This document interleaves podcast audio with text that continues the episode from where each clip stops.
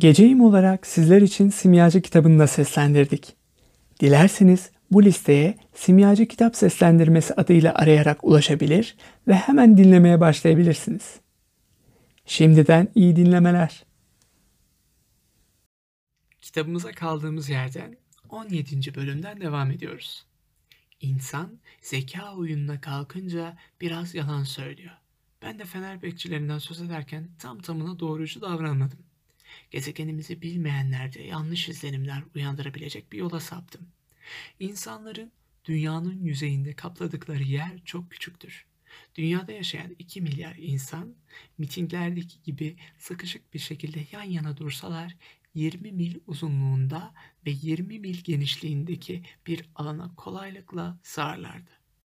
Dünyanın bütün insanları en küçük Pasifik adasına yerleştirilebilir. Bunu büyüklere söyleseniz size inanmayacaklardır. Kendilerinin büyük yer kapladıkları kanısındadırlar çünkü. Kendilerini baobablar kadar önemli görürler. İyisi mi söyleyin hesabını yapsınlar. Sayılara bayılırlar. Hesap işlemleri hoşlarına gider. Ama siz vaktinizi bu gereksizliklerle neden öldüreceksiniz? Bilirim, bana güvenirsiniz. Küçük Prens dünyaya indiğinde hiç kimseye rastlamayınca şaşırmıştı. Tam yanlış gezegene geldiğine inanacaktı ki sarı bir halkanın kumda kımıldadığını gördü. İyi geceler, dedi Küçük Prens saygıyla. Tıs, iyi geceler, dedi yılan. Hangi gezegende bulunuyorum acaba? dedi Küçük Prens. Tıs, dünyada, Afrika'da. Demek dünyada hiç insan yok. Tıs, burası çöldür. Çöllerde kimsecikler olmaz. Dünya büyüktür. Tıs, dedi yılan. Küçük prens bir taşın üstüne oturarak gözlerini göğe dikti. Acaba dedi, bir gün hepimiz kendi yıldızımızı yeniden bulalım diye mi yıldızlar böyle parlıyor? Gezegenimi görüyor musun? Tam tepemizde ama nasıl da uzaklarda. Güzelmiş, dedi yılan. Tıs, ne yapmaya geldin buraya? Bir çiçekle başım dertte de. Tıs, ya, dedi yılan. Bir sessizlik oldu. Küçük prens yine konuşmaya başladı. İnsanlar nerede? Çölde biraz yalnızlık duyuyor kişi. Tıs, insanların arasında yalnızlık duyulur, dedi yılan.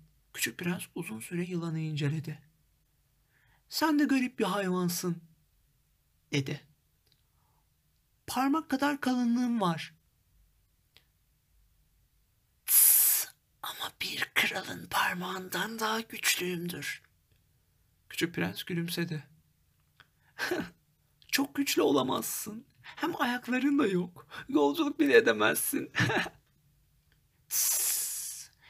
Senin gemilerin gidemeyeceği kadar uzağa götürebilirim. Küçük prensin ayak bileğine altın bir bilezik gibi dolandı. Dokunduğum her yaratığı geldiği yere toprağa yollarım ama sen tertemizsin ve bir yıldızdan geliyorsun.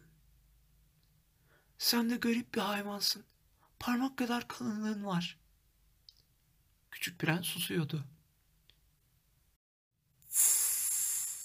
Şu gaz katı dünyada böylesine güçsüz oluşun acıma duygusu uyandırıyor içimde. Sana yardım edebilirim.